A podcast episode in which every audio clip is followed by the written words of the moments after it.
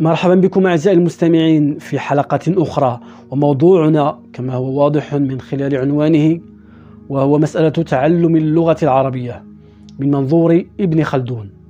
فمن هو ابن خلدون؟ لمن لا يعرفه في عجلة سريعة. يعتبر ابن خلدون من أشهر المؤرخين في العالم الإسلامي. خلال القرن الثامن والتاسع الهجريين الثالث عشر والرابع عشر أو الرابع عشر والخامس عشر الميلاديين. فقد توفي سنة 808 للهجرة الموافق ل 1406 للميلاد. أشهر كتبه هو مقدمة ابن خلدون.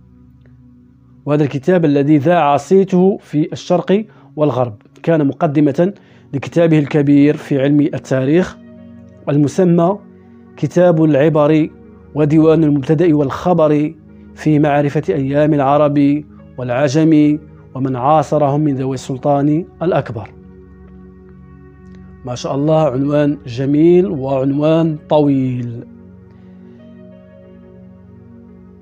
بعد هذه المقدمة الصغيرة هيا بنا لنكتشف طريقة ابن خلدون في تعلم أو اكتساب اللغة العربية. يقول ابن خلدون لما كان تعلم اللغة ملكات كما مر كان تعلمها ممكنا. شأن سائر الملكات. ماذا يقصد هنا بالملكات؟ إذا كنت أنت الآن تتحدث بأي لغة باللغة العربية مثلا بطلاقة أو بلغتك المحلية أو باللغة الفرنسية أو الإنجليزية دونما أن تحتاج إلى التفكير فهذه نسميها ملكة. مثلا أنت الآن إذا كنت تقود سيارة دون ما أن تنظر إلى مغير السرعات. تقود هكذا آه، دون ما حاجة إلى تفكير نسميها ملكة. ووجه التعليم لمن يبتغي هذه الملكة أي ملكة تعلم اللغة العربية ويروم تحصيلها أن يأخذ نفسه بحفظ كلامهم القديم الجاري على أساليبهم من القرآن والحديث وكلام السلف ومخاطبات فحول العرب في أسجاعهم وأشعارهم وكلمات المولدين أيضا في سائر فنونهم. حتى يتنزل لكثرة حفظه لكلامهم من المنظوم والمنثور منزلة من نشأ بينهم ولقن العبارة عن المقاصد منهم. ثم يتصرف بعد ذلك في التعبير عما في ضميره على حسب عباراتهم وتأليف كلماتهم وما وعاه وحفظه من أساليبهم وترتيب ألفاظهم. فتحصل له هذه الملكة بهذا الحفظ والاستعمال ويزداد بكثرتهما رسوخا وقوة. وعلى قدر المحفوظ وكثرة الاستعمال تكون جودة المقول المصنوع نظما ونثرا. ومن حصل على هذه الملكات فقد حصل على لغة مضر وهو الناقد البصير بالبلاغة فيها وهكذا ينبغي أن يكون تعلمها. فالطريقة التي يقترحها ابن خلدون وهو كثرة حفظ أشعار العرب وكذلك منثوراتهم يعني حفظ كلام العرب سواء كان شعرا أو كان نظما.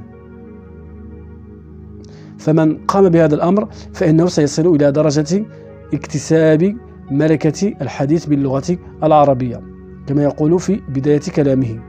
نعيد الطريقة التي يقترحها ابن خلدون لتعلم اللغة العربية. ووجه التعليم لمن يبتغي هذه الملكة ويروم تحصيلها أي الحديث باللغة العربية أن يأخذ نفسه بحفظ كلامهم القديم الجاري على أساليبهم. يعني هذا الكلام الذي سنجده في القرآن طبعا القرآن يعتبر أرقى الكلام العربي.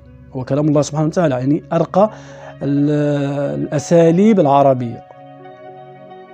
في القرآن والحديث وكلام السلف ومخاطبات فحول العرب في أسجاعهم وأشعارهم بالإضافة إلى حفظ كلمات المولدين في سائر فنونهم. حتى يتنزل لكثرة حفظه لكلامهم من المنظوم والمنثور منزلة من نشأ بينهم. يعني عندما تكثر من حفظ المنظوم والمنثور كأنك صرت تعيش بينهم. فهذه أعزائي المستمعين كانت طريقة ابن خلدون فهو يركز كثيرا على مسألة الانغماس في اللغة عن طريق حفظ النثر والنظم أي الشعر حتى يصبح الواحد كأنه يعيش بين العرب وواحد منهم. وهذه الطريقة يمكن تطبيقها كذلك على اكتساب لغات أجنبية كذلك في عصرنا اليوم عن طريق الانغماس في اللغة خاصة وأن الوسائل متوفرة بكثرة في عصرنا الحالي. وختاما هذا هشام يحييكم وحتى لا ننسى حياتنا فرصة فلنغتنمها.